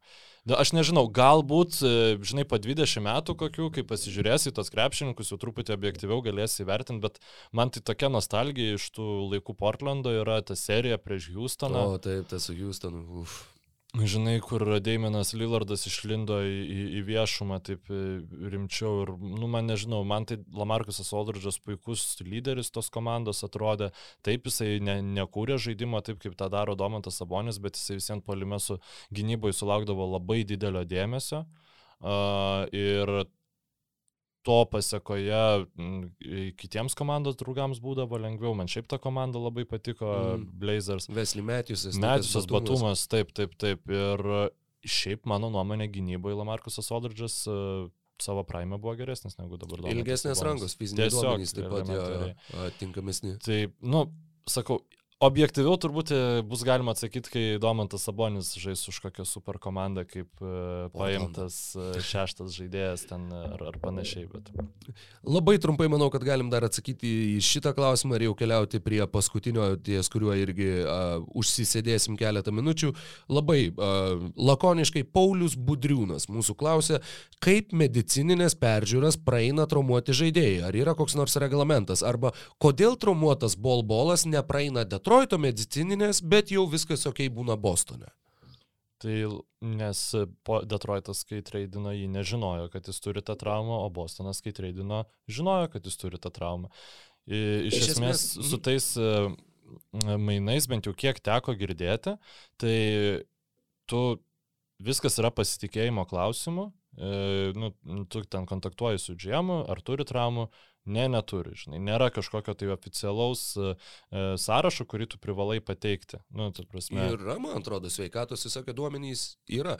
Galbūt jie nėra privalomi, bet šiaip jau tai turi. Nu, vad būtent, kad, nes kiek, sakau, teko girdėti tų pačių podcastų su žmonėm dirbusiais tai tuose front ofisuose, tai kad kuomet žaidėjas jau tampa mainomas ir jis nepraeina tos e, patikros, tai jau tada visa ta ataskaita tampa prieinama, žodžiu, kitai mainančiai, mainančiai komandai. Ir iš esmės, nu, komandos plus minus visada pasako vieni kitiems, nes, e, nu, tas yra 30 komandų, tu negali, žinai, užsit nu, tu padarysi keulę tokią pakišį, rimtesnį kažkokį krepšininką traumuotą, tai nu, niekas ne, nemainys paskui su tavim. Bet uh, tiesiog komanda, kuri dabar mai, e, Detroitas nu, nenorėjo tokio krepšininko e, kaip Bolbolas su, su tokia trauma, o Bostonas mane, kad viskas sakė. Okay jo, aš manau, kad žinai kaip, e, plus Detroitas Jeigu ir žinojo, kad jisai turi tą traumą, jie, gal, jie galbūt tikėjosi, kad ta trauma bus greičiau išgydoma ir jie norėjo bolbolo tam, kad jie šiais mhm. metais jį išsileistų į aikštę, pasižiūrėtų, ar jisai tinka jų komandai, pasižiūrėtų, kaip jisai tenai įsipaišo, kur apskritai yra jo talento vystimosi uh, stadija šiuo metu. Uh, o Bostonui to žaidėjo, kurį jie leistų, jiems jo nereikėjo. Jie turi aukštą ūgių, pas juos uh, nėra didelės, didelio poreikio dar vienam dideliam kūnui ir jie savo leido tiesiog nusimesti Juančio Hernangomėse, nusileisti iki dabar berots tik tai porą milijonų, jie viršyje prabangos mokėjimo mokestį, tad dar vienas įimas. Jo, dar vienas įimas ir, ir jie iš jo išlys, tad uh, jų būtent, jie ieškojo, kur nusimesti pinigus. Jie ne, nežiūrėjo ne. į bolbolą kaip į žaidėją, kuris jiems šiais metais būtų vat, įdomus ir jiems kažkuo tai reikalingas. Detroitui gali būti įdomus. Bolbolas iš vis nesužais už Bostoną, ne Labai gali būti, labai gali būti. Šiaip Plus, dabar... jisai po šio sezono tampa pribotų laisvojų agentų. Tad uh, Detroitas būtų jį išsibandę uh, ir tada žinojo, kiek jie nori pasiūlyti ir taip toliau ir panašiai. O, o kai tokios galimybės nebuvo, tai jie nusprendė, kad, ai, vėlniai nematėme, mes turim va visokių ten Luka Garza ir panašiai. Um, čia galvoju dar, kad e, gal vis dėlto e, atsiprašysiu klausytojų, nežinau dabar aš tiksliai, kaip ten su tais protokolais mainant vyksta, tai ne, necituokit manęs ir ne, neimkit mhm. už grinus pinigus. Tai keliaujam tada prie ties penketuko. Um, Netgi dvyliktukų. Dvyliktukų. Mėgstamiausi. Uh, dieve, kiek čia daug tų mėgstamiausių. FK Figo klausia, koks būtų jūsų mėgstamiausių visų laikų NBA žaidėjų dvyliktukas? arba kitaip jūsų širdžių All Stars. Ir ten paskui jis pats išvardino savo, apie penketą, dvyliktuką kažkas supyko, kad Jordano ten nėra, tai e, esmė tame, kad Aš Kokie labai literaliai priėmiau. Kodėl ne Jordan? Taip. Mėgstamiausi man ir yra mėgstamiausi, kurie man dėl vienokių ar kitokių priežasčių mano gyvenime patiko.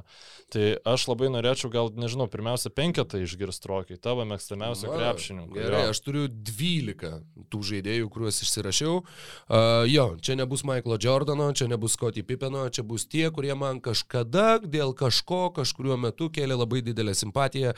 Uh, ne visi visi, sakykime, yra tie, kuriem aš simpatizavau, nėra tiek pakankamai vietos, kad sudėčiau visus čia, iš esmės tie, kurie į galvą atėjo pirmiausiai.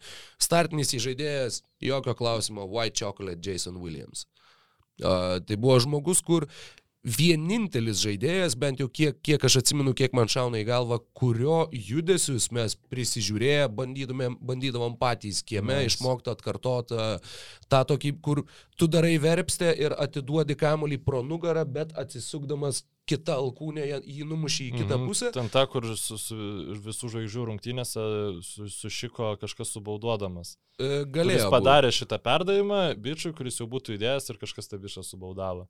Labai galėjo būti, bet atsimenu, kad mačiau ir, ir va būtent jį, jį įgyvendintą ir, ir, sakau, tai buvo tas žaidėjas, kuris visada priversdavo aikčioti ir, ir labai labai patiko ir, sakau, startinių įžaidėjo va tokio įspūdingo ir tokio, kurį kuriuo taip grožėtumės, dar plus, žinai, nedidukas, baltas, nu ką tu ten supranti tas proporcijas, kai to kokie 13-14, nesigilini, kad tas nedidukas yra dar ir koks didukas, bet, uh, žodžiu, įžaidėjas, Jasonas Williamsas, atakuojančių gynėjų aš norėčiau statyti Rėjų Alaną, uh, pageidautinai su Seattle Supersonics marškinėliais, man kažkodėl būtent Mhm. tada jis buvo, va, Rėjų Alanas buvo the shit, kaip sakytų anglakalbiai, lengvas kraštas, mano šitoj širdžių visų žvaigždžių komandoje yra Latrelas Spryvalas, kurį vat, tais laikais, kai Niksai žaidė finale ir, ir truputėlį prieš tai, jis buvo vienas iš tų psichų, vienas iš tų, kur uh, smaugė treneriai ir panašiai, bet jis buvo toks tough dude.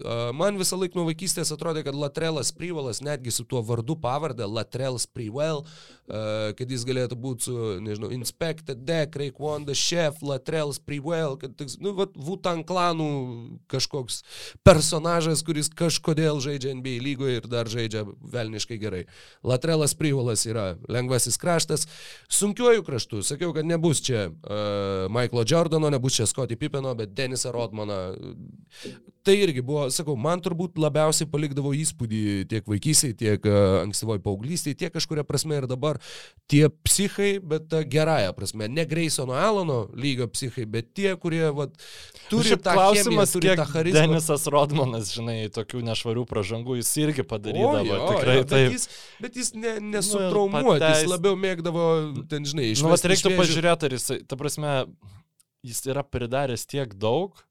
Jeigu Graysonas Allenas, ta prasme, ateitų į rungtynes ten su dviem supermodeliais ir savaitę dinktų ir šiaip būtų vienas geriausių lygos ten specialistų bent jau kažkokiam dalykė, tai, nu, tarkim, būtų geriausias kovotojas dėl kamolių lygos istorijoje, tai tokie dalykai, nu, nebūtų taip smarkiai apie juos kalbama, žinai, kai dar yra bunch of Nu, things ir čia per visą karjerą, nu, kur žmogus vos nenusižudė, nu, ta prasme, nu, nuo, de, nuo visiškai depresyvių iki Jep. labai juokingų. De, de, Deniso Rodmano karjera yra... gyvenimo istorija spalvinga, jo, yra, yra tiesiog fantastika. Uh, jo. Ir, Ir centru- vidurio polėjas, e, turbūt šitas vardas pavardė nedaugam e, ką sakys ir net ir pravardė irgi, aš dabar tai supratau, kad mano išdėjas yra White Chocolate, mano vidurio polėjas yra The Chocolate Thunder. Darylas Dawkinsas buvo 80s vidurio polėjas, kuris buvo, jis buvo funko muzikos įsikūnymas NBA aikštelėje. Jis buvo Parliament Funkadelic, jis buvo Rikas Jamesas, jis buvo visi, kas tik tai nori. Darylas Dawkinsas savo dėjimam sugalvodavo pavadinimus. Uh, ir jisai turėjo visokius ten, e, dabar nepasakysiu ne vieno, pala pabandysiu greitai, galbūt uh, pavyks rast dunk names. Uh, tai žmogus, kuris, kurį, kurį Chocolate Thunder praminė Stevie Wonderis, atėjęs į NBA rungtynes. Pabūti NBA rungtynėse, turbūt reikėtų sakyti taip, sakė, kad man labai patinka tas, tas, kur gerai deda, tas The Chocolate Thunder dude. Tai Darylas Dawkinsas ir prisėmė. Uh, tuoj palauk, taip. Va, pavyzdžiui, uh, pirmąjį savo dėjimą, kuriuo jisai sudaužė lentą, Darylas Dawkinsas pavadino The Chocolate Thunder Flying, Robinsing, Crying, Teeth Shaking, Glass Breaking, Rum Roasting, Bun Toasting, Wham Bam, Glass Breaker, I am Jam.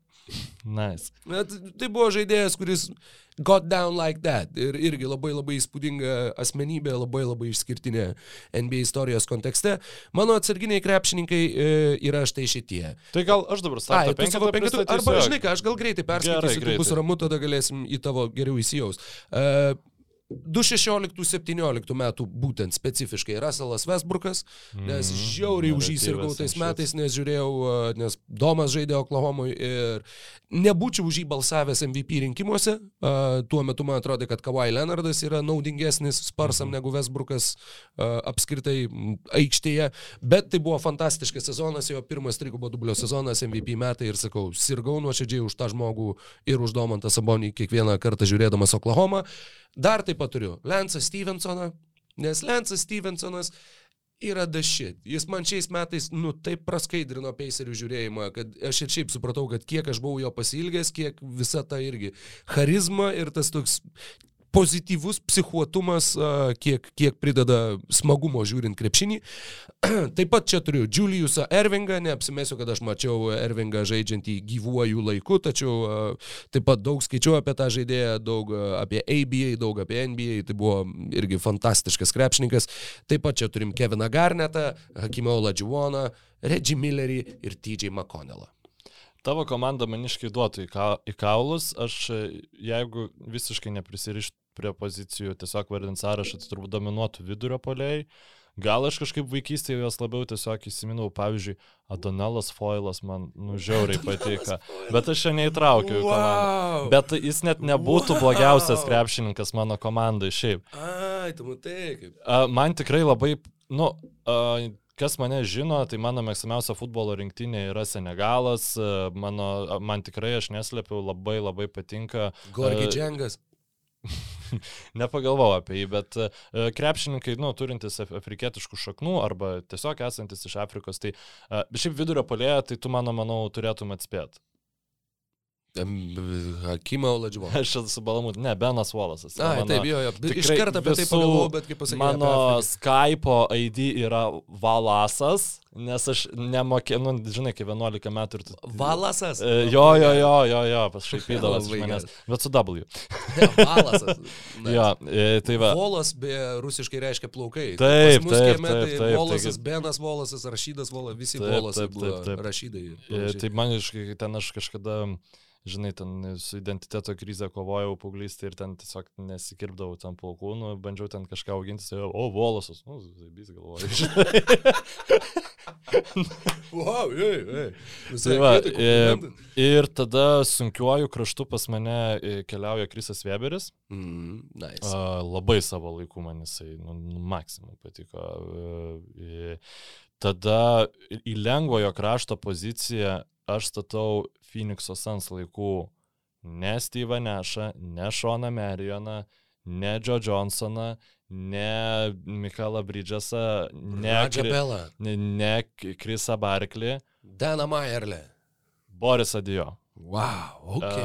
Um, jeigu jis žaistų NBA, nu, ta prasme, šiais laikais, tai jis turėtų pelė kiek didelius kontraktus, nes tikrai labai šiaip geras krepšininkas ir man gal labiau į, aš labiau susipažinau su juo kaip krepšininkų spars laikais, bet uh, tada, kai, pavyzdžiui, ruošiamas draftais, draftams, kai man reikėjo magistrinį rašyti ir aš tada dariau viską, kad nereiktų rašyti ir žiūrėdavau playoffų serijas, būtent Sansų, kai žaidė juose Borisas Dio, tai, nu, žiauriai e, jaudinantis krepšininkas ir tas, nu, jų penketas ten su Staudemajeru, Merionu, e, šitu E, Borisu Dio ir Steve'u Nešu, tai nu, čia buvo visiškas, visiškas modernumo, tai buvo jau net per modernu tuo metiniam sansam ir jie visiems ten leisdavo kažkokį ten, e, kas ten pas juos, nu kažkokius centrą medinį turėjo, žodžiu, bet, bet čia Borisas Dio, na, fantastika. Atakuojantis gynėjas, e, atleiskit žmonės pasiruoškit dabar bus skrinžia, bet Tracy's Magreidis, Ne, ne, ne dėl to, kad uh, aš jį vaikystėje vadindavau triusiku magriusiku ir man labai tai jokinga buvo. Wow, Taip, bet ne, ne dėl, ne, čia dėl to krinžas, bet uh, nu, mano pusbroliui, kuris už mane trim metais jaunesnis buvo darbo jokingiau, tai žinai, nu, reikia prajuokinti pusbrolį. Be abejo. Taip, tai, nu, Traces McGrady's uh, vis dar man yra vienas iš mažiausiai pastangų pelnyti taškus e, kainuoja suteikiančių krepšininkų, tiesiog tie visi metimai. Mm, at, nu, atrodo, kad kito tokio krepšininko ir nebuvo. O į žaidėjo pozicijoje netoptelėjo man taip niekas iš karto ir aš žinau, galvoju, kad aš atiduosiu duoklę karį, nes e, jeigu ne šitas krepšininkas, labai gali būti, kad man NBA ir toliau būtų, sakykime, dalykas, kurį aš įsijungiu kartais per playoffus. Aš tikrai neturėčiau savo podcast'o apie tai. Uh, Um, tiesiog jisai iškėlė NBA lygą, mano nuomonė, į šiek tiek kitą įdomumo lygį su savo įnešta tiek krepšinio revoliucija, tiek pa, pačiu savim kaip reiškiniu. Ir aš esu į tai įsitraukęs, man labai įdomu jį dabar stebėti. Warriors rungtynės man yra įdomiausios rungtynės, netgi įdomesnės negu Raptors. Taip jisai dabar, pavyzdžiui, žaidžia prastai, sakykime, visiems statistika jo yra žymiai geresnė negu daugumos kitų krepšininkų. Nu, tai yra Um, visiškai fantastinis krepšininkas ir aš už tai labai labai jį uh, gerbiu ir mėgstu. Tai tikrai mums labai patinka. O ant suolo jau prasideda visi vyjurkai. Tai tada yra, ant suolo yra paskutinių metų Alonso Morningas, kuris žaidė Miami'e ir aš atsimenu, kai aš pradėdavau uh, NBA Live šeštų turnyrą, kur ten būdavo kažkoks šeidi puslapis, aš ir pas kažkokios, įsivaizduoju, buvau sukūręs turnyrą 12 metų, kur pats pasėmiau abi dvi, dvi komandas ir treidindavau, nu, krepšininkus, žodžiu, nu, 12 okay. metų buvau, bet pats sukūriau puslapį. Šitą, taip, bet e, kai žaisdavau Legit turnyruose, nu, kiek jie galėjo būti Legit, tai visada bandydavau išsitreidinti Alonso Morningą, nes labai reikėjo gerai blokuojančių centrų ir jisai ten buvo gal 7 team kažkiek reitingo, bet, nu, tiesiog e, taip labai man patiko ir mes jau pabiškai pereinam į, į mm -hmm, pa, paskutinę mūsų temą. Uh, bet šiaip kažkaip aš jį vat, atsimenu, kaip man, man patikusi krepšininką. Luke Richard Imbahamutė e, buvo krepšininkas, kur aš labai norėjau, kad jam pasisektų. Ir e, kai jisai atsirado Rocketsuose, tuose 18 metų ir jie ten buvo gal kokios dvi savaitės, gal mėno, gal du mėnesiai, aš neatsimenu, kuris buvo to jų smallbolo switch all penketo dalis ir kartu su PJ Tuckeriu, Trevoru Ariza jie ten tikrai davė vaizdų. Uh, Ir jis paskui gavo traumą ir kažkaip niekad po jos nebeatsigavo. Man tikrai buvo nuoširdžiai liūdna. Nu, labai patiko tas krepšininkas, kai jis atėjo į Timberwolves. Aš atsimenu, kai su bičiuliu išnekėjausi irgi, tai kažkaip irgi NBA buvom įsijungę, bet šnekėjom apie krepšinį. Tai Luke Richard Imbahamutė turbūt gerai gynasi. Sakau, o kodėl tu taip atrodo? Nu tai, kad jis nieko daugiau gerai nedaro, jo veralas vis vien didelis yra, žinai. tai aš kažkaip va, tada jį pastebėjau ir labai labai palaikiau. Kitas ir tada dar yra Paskalis Jekamas Audžija Nunobi, tiesiog mėgstamiausios komandos, mėgstamiausi krepšininkai įeina ši čia, daug per daug išsiplėsti ir neturiu kuo. Ir tada labai man patiko Raferas Olstonas. Kažkaip aš vat jo Skipti žiūrėjau. Malų. Labai, labai nemažai jo žiūrėjau. Jo, čia vienas Žinok, aš jį netgi irgi turbūt vietoj TJ McConnello visgi įdėčiau. Nes jis buvo End One Mixtapes, jis atėjo iš, iš streetbolo, jis buvo End One gatvės krepšinio legenda, visiškai ikoniškas žaidėjas, Skip to My Lou, uh, kuris perėjo į NBA lygą ir žaidė NBA lygoje, ir gerai žaidė NBA lygoje. Ir jis vienintelis, man atrodo, atliko, nu bent jau tokio, kaip čia pasakyti, taip sugebėjo įsitvirtinti, būtent profesionalų krepšinėje atėjęs iš, iš uh, triukų krepšinio krepšinio mhm. ir iš mhm. gatvės krepšinio, tad jo, visada, visada jam simpatija labai didelė buvo. Ir tada paskutiniai šitam sąraše būtų tiesiog du krepšininkai, kurių man labai jokingai pavardas tardavo Linas Kunigėlis, kai man vėl buvo ten kažkiek paauglystės metų. Jis gėjus? Ne, e, tai buvo, Maika Bibi gal reikėjo dėti, e, bet e, tai buvo Džemalas Tinsley ir Michaelas Finley. Kažkaip aš labai visada atsimenu kunigėlį tariant, būtent kunigėlio balsą ir uh, tikrai, nu žinok, labai jokingi dalykai, kai tu esi ten e, iš vis jau kai tie krepšininkai žaidė, kai juos rodė lietuviškam krepšinį, aš gal dar net vaikas, ne paauglys buvau. Ir, nu, tikrai, žinok, nu, haha, juokinga, bet tada tu ir žiūri, labiau akcentuoji tą krepšinį, o, o, va, čia Finley žaidžia. Ir tu matai, kad jis, nu, gerai žaidžia. Tas pats Tinsley, nu, Tinsley labai daug e, rodydavo, nes jisai... On su Jasikevičium vienoje komandoje žaidė Pacers, jo, tai gal dėl to aš nežinau. Uh, buvo, aš dabar galvoju, ne, turbūt maišau. Nu, jis toks Džemeras yeah, Nelsonas aš, before it was cool. it was never cool, bet, nu, tipo, kažkas ne, ne, panašaus. Koks buvo? Waymanas Tisdailas, va, uh, su kuo aš jį sumaišiau. Tisdailas buvo profesionalus ir muzikantas, labai labai geras bosistas, bet tai ne Džemalas Tinsley, tai, tai kita istorija. Pabaigai, labai trumpai, po penkis žaidėjus starto penketą kompiuteriniuose žaidimuose. NBA Live ir NBA 2K. E, mano atveju aš dar įdėjau vieną iš Lakers vs. Celtics, kur buvo 88 okay. metų žaidimas, bet aš, aš jį daug žaidžiau vaikystėje ir aš atsimenu iš ten visokius Tomus Chambersus ir panašiai. Tad vienas žaidėjas buvo, kurį man teko įdėti čia, bet Mykolai, tavo penki kompiuterinių žaidimų. Tai čia herojai. aš nedėjau gerų krepšininkų, nes tai būtų tiesiog, nu, Nu, aš, aš dėjau tos, okay. kurie man būdavo UP, kuriuos aš galėdavau pasiimti ir, tipo, ir vienas iš jų tai vėl, krepšį. Čia yra e, 2K ir NBA Live, tai iš žaidėjo visiškai nebūdavo turėti būtina, bet e, mano pirmas, pirmų numerių eina e, J.R. Smithas. Denverio Nuggets laikų nu, čia yra universaliausiai pripažįstamas NBA žaidimų dievas. Hmm. Jis buvo absoliučiai nesveikas. Ten Denverio Nuggets, Jerry Smithas buvo visiškai nesveikas. Tada į, į atakuojančio gynėjo poziciją eina Nikas Jangas iš Filadelfijos Sixers laikų, tai čia 12-13 metai. Wow. Šlapęs kaip, e, ne, nežinau, e, kas, žodžiu, jo metimas. Nu, tikrai, tu tiesiog e, vienas patogiausių, aš atsimenu, kurdavau paskui krepšininkus, ten galvodavau, mm, gerai, ir tada Niko Jango metimą pasidaryti ir, nu, tipo, tai jau jokių problemų nebus, tiesiog paimdavai, išmesdavai žalės įkrantą, žinai, absoliučiai jokių problemų. Tada lengvuoju kraštu kori magėti iš babketsų, duodi kaip ja, wow, mini Janis. Duodi kamalį, nuvažiuoja ir yra taškai. Ir žinai, ką galvoju, aš dabar atsimenu vienas labai konkrečias rungtynės prieš savo bičiulį. Uh, tai aš paslenku visus uh, Jer Smithai atakuojančio gynėjo poziciją, Nekajangai lengvą kraštą, uh, Kori Mageti į uh, sunkų, sunkų kraštą. Iš žaidėjų, nu, turėkim vieną tikrą superstarą, Gilbertas Arenas, tiesiog aš atsimenu NBA Live 2008 berots buvo vienas grajus, žaidė mano bičiulius už Spars ir būdavo, nu, ten aišku, žaidimas toks geras buvo, bet buvo toks visas kelinys, kai jis tik išsimesdavo kamolį ir e, ten būdavo tokie ženklai. E, ir Gilbertas Arenas turėjo rankos ženklą gynybui. Jis perimdavau, ta prasme, pastovi perimdavau kamolį ir ten iki, nu, išpratėjimo. Ir man taip įsiminė, žinai, tos mm. rungtynės, tai tikrai va, tas Gilbertas Arenas buvo geras. Centro pozicijoje yra labai daug krepšininkų, labai daug centrų, kurie žaidė gerai, bet niekas e, ne, ne, nevarydavo taip iš proto, kaip e, 2016 arba 2015 metų Sixeriuose žaidęs Nu, Spenceris Hosas. Lavojus Alenas. Wow, Lavonas Alenas, šitą irgi. Ta prasme, jo, a, jo a, overallas buvo, aš žinok, net nepasakysiu. Man atrodo, jis net neturėjo 70. Man atrodo, aš ant 14 atsimenu, nes 14 Vat. aš į, po šiai dienai mes, jeigu susitinkam su draugais pažaist, 14 2K, atsinaujini rosterius į dabartinius ir plieki, kad tas pats gameplay, prie kurio tu esi įpratęs ir kur tu jau daug metų žaidži, tai jo, 14 tikrai buvo Lavojus Alanas, dar buvo Byronas Malensas Hosas ir Spenceris Hosas, kiti centrai Filadelfijoje. Ir... Jis buvo PF-as. Jis tikrai PF. nebuvo mhm. centras, mm -hmm. jis buvo PF-as.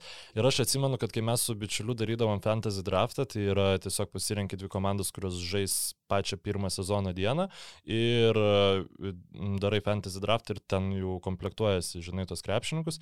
Aš visada pasimdavau, nu, labai dažnai, va, Nika Jangas, žinai, pasimdavai ir Lavojo Aleną 12 pikų. Ir tada, kai niekas neina, išleidai Lavojo Aleną, atsistumi, atsistumi ir tada po krepšių ten pagazdini ir arba pražanga iš pro. Jis toks storas, jis žemas toks ir žiauriai nervina, kai tu negali prieš jį apsiginti. Tai šitas yra dar svarbiau negu, žinai, ten, nes, nu, ten aupytė krepšininkai, nes jeigu tave daužo Lebronas Džeimsas, tau yra ok.